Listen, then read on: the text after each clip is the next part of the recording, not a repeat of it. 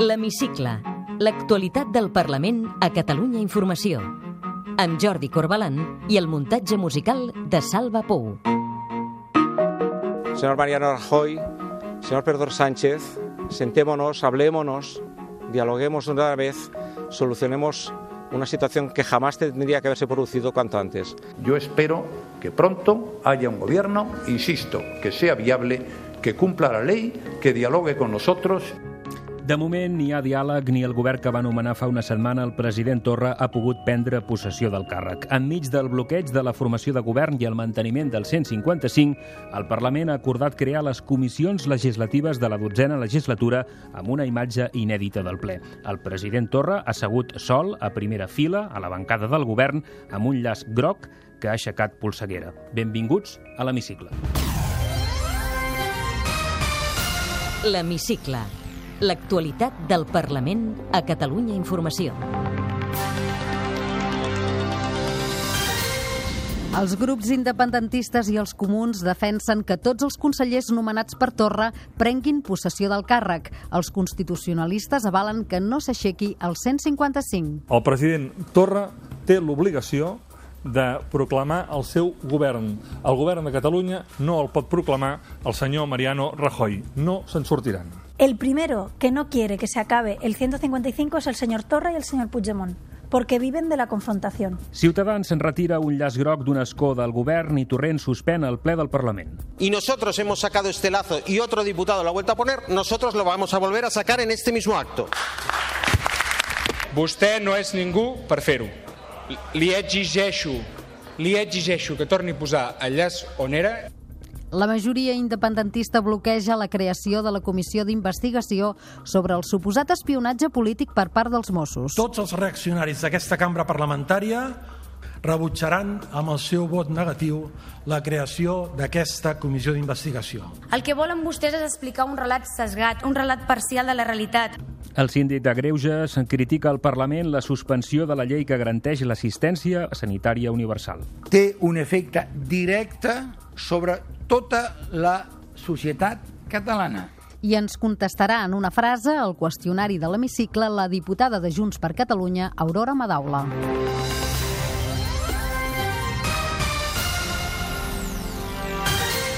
La seva voluntat de ser dimecres a Barcelona per eh, prometre el càrrec i prendre en possessió i, per tant, reiteren i reivindiquen la seva llibertat com no pot ser de cap altra manera. Insisteixo, en cap altre país d'Europa, ciutadans amb els seus drets polítics intactes no es trobarien en aquesta situació. Paraules del president de la Generalitat, Quim Torra, pronunciades dilluns després de visitar Jordi Turull i Josep Rull a la presó d'Estremera.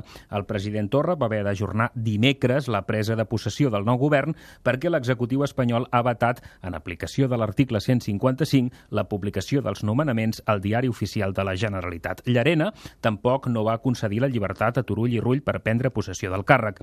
El president Torra demanarà ara al Tribunal Superior de Justícia que prengui mesures cautelaríssimes per obligar el govern espanyol a publicar el DOC el nomenament dels consellers. Ho expliquem amb Pilar Merodio. El dictamen de la Comissió Jurídica Assessora, encarregat pel president Torra, conclou que el govern de Rajoy ha de publicar al DOC el decret de nomenaments del nou executiu i avala que tots els consellers poden prendre possessió del càrrec. Davant d'aquestes conclusions, el president de la Generalitat té previstes dues accions. La primera, enviar una carta a Mariano Rajoy amb les conclusions d'aquest informe i exigint-li que autoritzi la publicació del decret de nomenaments al DOC. Si no ho fa, no es descarta una querella per prevaricació contra el mateix Rajoy. I la segona, demanar al Tribunal Superior de Justícia de Catalunya que prengui les mesures cautelars necessàries per protegir els drets dels consellers nomenats que són a la presó i a l'exili. El portaveu adjunt de Junts per Catalunya, Eduard Pujol, acusa el govern espanyol de cometre una il·legalitat no publicant el decret al DOC.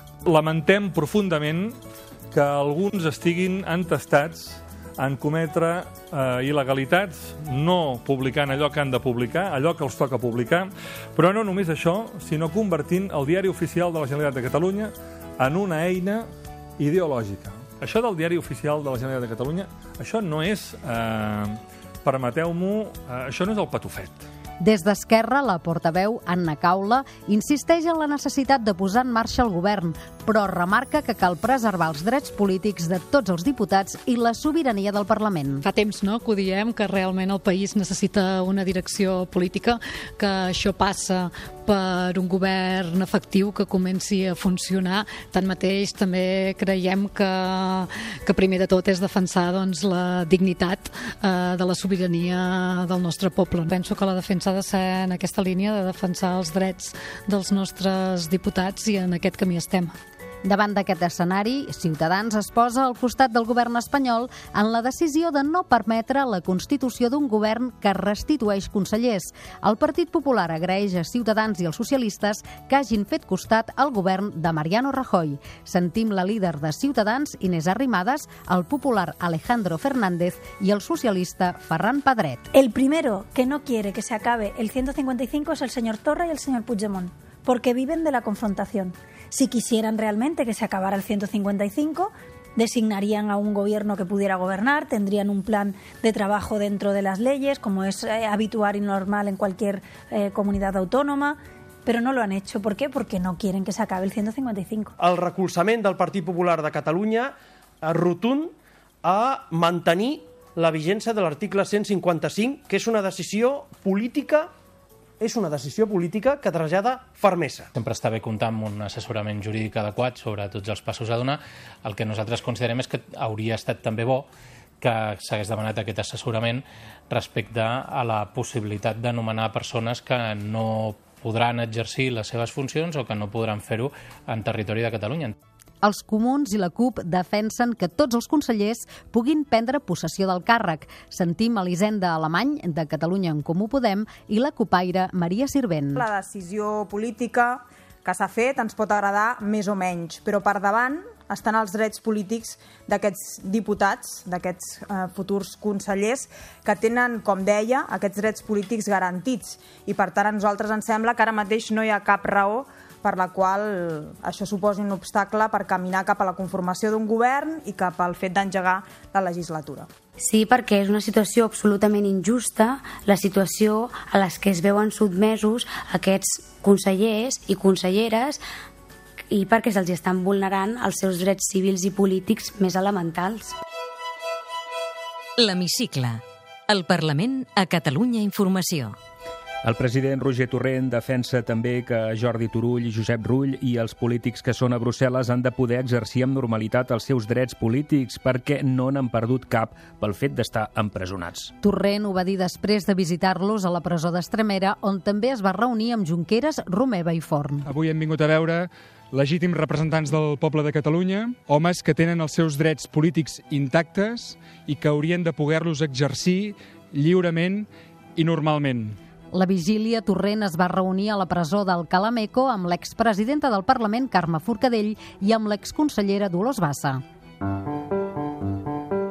Mentrestant, la mesa del Parlament ha demanat al grup d'Esquerra que acrediti la situació jurídica de Toni Comín a Bèlgica per decidir si manté o li retira el vot delegat. Un vot que va ser decisiu, entre d'altres votacions, per investir Quim Torra. La majoria independentista a la mesa va acordar donar de termini fins dimarts que ve perquè s'aporti la documentació. Ciutadans, socialistes i populars que exigeixen que retiri la delegació de vot de Comín adverteixen que la mesa pot incórrer en responsabilitats penals. Sentim Fernando de Páramo de Ciutadans, el socialista Ferran Pedret y el popular Alejandro Fernández. Estamos otra vez en la misma situación que ya vivimos en ocasiones anteriores y la verdad es que es un escenario peligroso des del punt de vista jurídico. Si la qüestió es judicialitzés, es podria produir una decisió judicial que considerés nules totes les decisions. Eventualment, les persones que han votat a la mesa a favor de mantenir la delegació de vot del senyor Comín doncs, haurien pogut caure en prevaricació.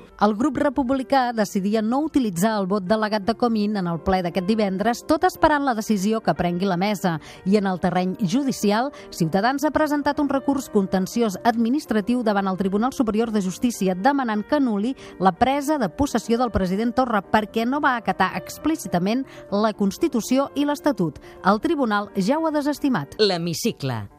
L'actualitat del Parlament a Catalunya Informació. La polèmica pels llaços grocs ha arribat aquest divendres al ple del Parlament. S'ha posat un llaç groc a la fila del govern, on només hi havia assegut el president Torra. Ciutadans ha demanat la paraula per exigir al president Torrent que ordenés la retirada del llaç situat just davant dels seus escons. Després d'un llarg estira i arronsa entre el portaveu de Ciutadans i el president del Parlament, Carlos Carrizosa ha tret d'una revolada el llaç groc i Roger Torrent ha suspès el ple. Aquesta era la seqüència. Demano que es tregui o el treurem nosaltres? No, no, vostès no trauran res, senyor Carrizosa, perquè li demano que no converteixin això en una olla de grills o un pati d'escola. És la bancada del govern, eh, desconec... No hi ha ningú. Em deixen parlar, si plau?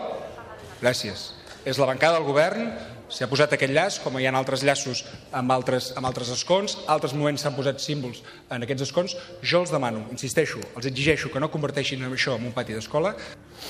Fa... Em veuré obligat a cridar-los l'atenció. És la primera vegada que els crido l'atenció. respetar las leyes y respetar no, a todos los diputados. Això no és Eso es lo que debe hacer Això no és ni una olla de grills, ni un, ni un teatre, ni un pati d'escola. Pues como, aquest debat, pues como nosotros estamos de acuerdo con el presidente en no convertir esto en un patio de escola y nosotros hemos sacado este lazo y otro diputado lo ha vuelto a poner, nosotros lo vamos a volver a sacar en este mismo acto. Primera, vostè no és ningú per treure símbols dels escons d'aquest ple.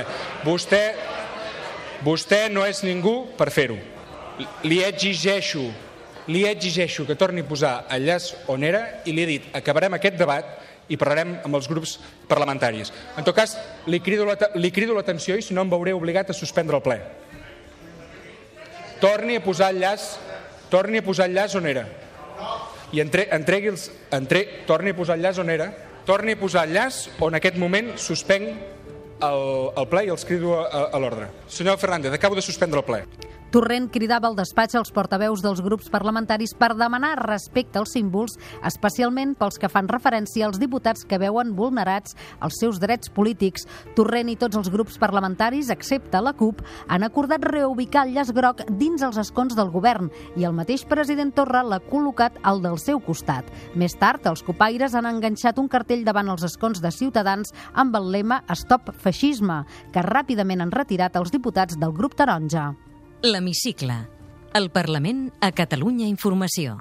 El ple d'aquest divendres ha acordat la creació de les comissions parlamentàries d'aquesta legislatura amb el govern encara per constituir. El reglament del Parlament estableix que les comissions s'han de crear la setmana següent a la presa de possessió del president de la Generalitat.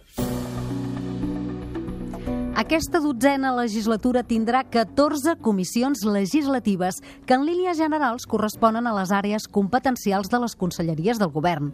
Es tracta de les comissions d'afers institucionals, economia, acció exterior, interior, ensenyament, territori, medi ambient, salut, cultura, justícia, empresa i coneixement, treball i afers socials, polítiques digitals i agricultura, ramaderia i pesca. També s'ha acordat la creació de tres comissions específiques sobre igualtat Igualtat, Joventut i Infància. Junts per Catalunya, Esquerra i la CUP han bloquejat en el ple la creació d'una comissió d'investigació sobre el suposat espionatge a polítics i periodistes per part del govern utilitzant els Mossos que proposaven la resta de grups de la cambra. Ciutadans, socialistes, populars i comuns defensaven la creació de la comissió d'investigació. Des de Ciutadans, Matías Alonso ha avisat als independentistes que no es donen per vençuts. Potser sí que podran avui aturar aquesta comissió d'investigació, encara que sigui uns dies o unes setmanes. Avui, tots els reaccionaris d'aquesta cambra parlamentària rebutjaran amb el seu vot negatiu la creació d'aquesta comissió d'investigació. La copaire Maria Sirvent ha criticat Ciutadans i el Partit Popular per haver rebutjat les seves esmenes que pretenien que la comissió investigués l'actuació del conjunt dels cossos policials, no únicament dels Mossos. En realitat, els importa ben poc la tasca que es pugui fer amb aquesta comissió. El que volen vostès és explicar un relat sesgat, un relat parcial de la realitat, tot per un titular barat. Però és que tant Ciutadans com el PP només sabeu fer política al servei dels interessos dels de sempre, al servei de corruptes i de banquers. En el ple d'aquest divendres, el síndic major de la Sindicatura de Comptes, Jaume Amat, ha presentat l'informe sobre el compte general de la Generalitat corresponent a l'exercici del 2014. L'Hemicicle. I el síndic de Greuges, Rafael Ribó, ha vingut aquesta setmana també al Parlament, ha demanat a la cambra i al conjunt de les administracions que emprenguin els mecanismes legals necessaris perquè es faci efectiu el dret a l'atenció sanitària universal. El síndic ha portat al Parlament l'informe sobre la universalització de l'assistència sanitària. Per Rafael Ribó, el recurs del govern espanyol davant el Tribunal Constitucional contra la llei catalana d'universalització de l'assistència sanitària atempta contra la salut de tota la societat. Va en contra de la millora del nivell de salut de tota la població. És capdalt, des d'una perspectiva econòmica, garantir aquesta universalització. És, a més, un instrument important de cohesió social de cara a disminuir les desigualtats. Té la paraula. Soc Aurora Madaula, diputada de Junts per Catalunya. En una frase. Junts per Catalunya volia restituir Carles Puigdemont i ha acabat investint Quim Torra. Amb els consellers nomenats pel president Torra, que són a la presó i a l'estranger, acabarà passant el mateix? Esperem que no. Esperem que puguin ser nomenats i prendre possessió normalment com es fa en una democràcia. La moció de censura de Pedro Sánchez obre noves perspectives a Catalunya? No. Com ha viscut el ple d'avui del Parlament? Esturada. Estic eh, molt esturada i molt... Mm, La veritat és que fins i tot ofesa que hi hagi feixistes dins del Parlament. La defensa dels drets polítics s'acabarà guanyant a Europa? Uh, esperem que sí. Si, si és l'Europa que tots desitgem, l'Europa de les llibertats, de justícia i la democràcia, sí. Ha de ser, um, desgraciadament, haurà de ser a tribunals institucionals on la, la justícia ens, donarà, ens acabarà donant la raó. El raper baltònic representa, simbolitza el que vostès han anomenat espai lliure europeu? Sí, sí, sí. sí. El raper baltònic, de la mateixa manera que Pablo Hasél o que d'altres perseguits, representa, desgraciadament, la persecució, la repressió que estem patint a Espanya i que ens està deixant la democràcia en uns límits mm, que ens torna gairebé al, al franquisme. Si ara pogués retrocedir un any en el calendari, canviaria gaires coses? Canviaria algunes coses, sí, segurament. Ens en pot dir alguna? Bé, jo seria més partidària de, de segurament amb molts més consensos, però avançar fermament cap a la república i vist el que hem vist ara, com, com ha respost l'estat espanyol, crec que no hi ha, no hi ha d'una altra manera que no, que no sigui avançant de manera pacífica i democràtica, però defensant les nostres institucions amb el poble sempre al nostre costat. De què haurà servit arribar fins aquí? Haurà servit, sobretot, perquè la democràcia guanyi i haurà servit sobretot també perquè es vegi que a Espanya no hi havia una democràcia, perquè caiguin les caretes, no només de l'estat espanyol, sinó també de molts partits i de molts polítics que hi ha a Espanya. Aquesta legislatura creu de debò que tindran marge per fer república? Ho farem, sí, ho farem i ho farem cada dia. No només perquè el Parlament es farà república, sinó perquè també eh, comptarem amb la gent i cada dia farem república al carrer, perquè contem amb aquest procés constituent que es farà des del carrer, però sí. Aurora Madaula, vostè va fer una tesi doctoral sobre l'exili. Quina mena de consells li ha donat a Carles Puigdemont?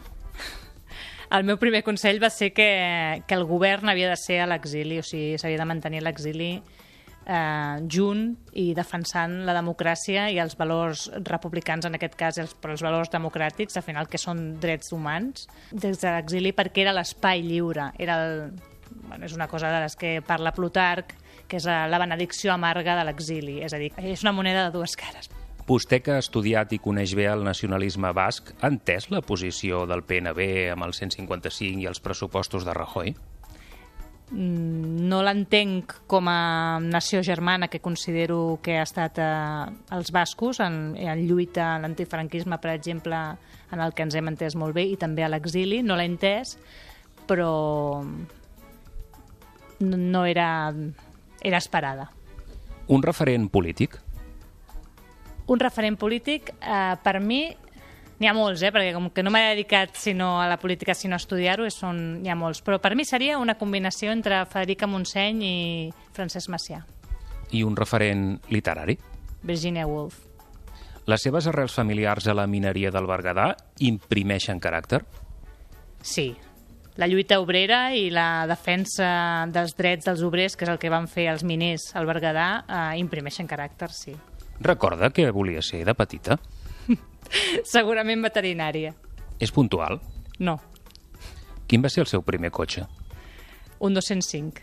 I ara quin cotxe porta? Porto un de prestat, eh? però no és meu, és un mini.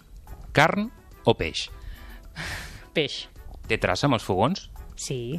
Quina és la seva especialitat? Faig un... De fet, faig una, una carn que m'agrada molt, que és llom al iogurt. Què feia abans d'anar a la llista de Junts per Catalunya i entrar al Parlament? Era professora d'història. I enyora les aules? Sí, enyoro el contacte amb els alumnes. L'últim llibre que té o ha tingut a la tauleta de nit?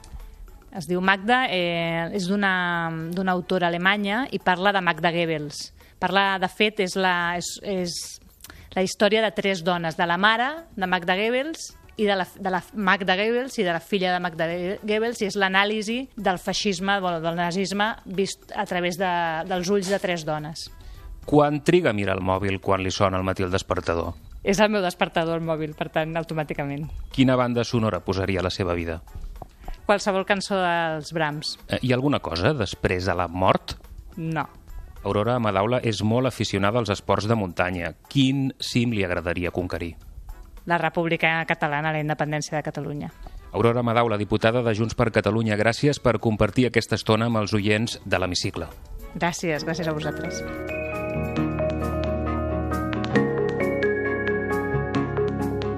Podeu tornar a escoltar l'hemicicle al web catradio.cat barra hemicicle o al podcast del programa i seguir l'actualitat del Parlament al perfil de Twitter arroba L-hemicicle.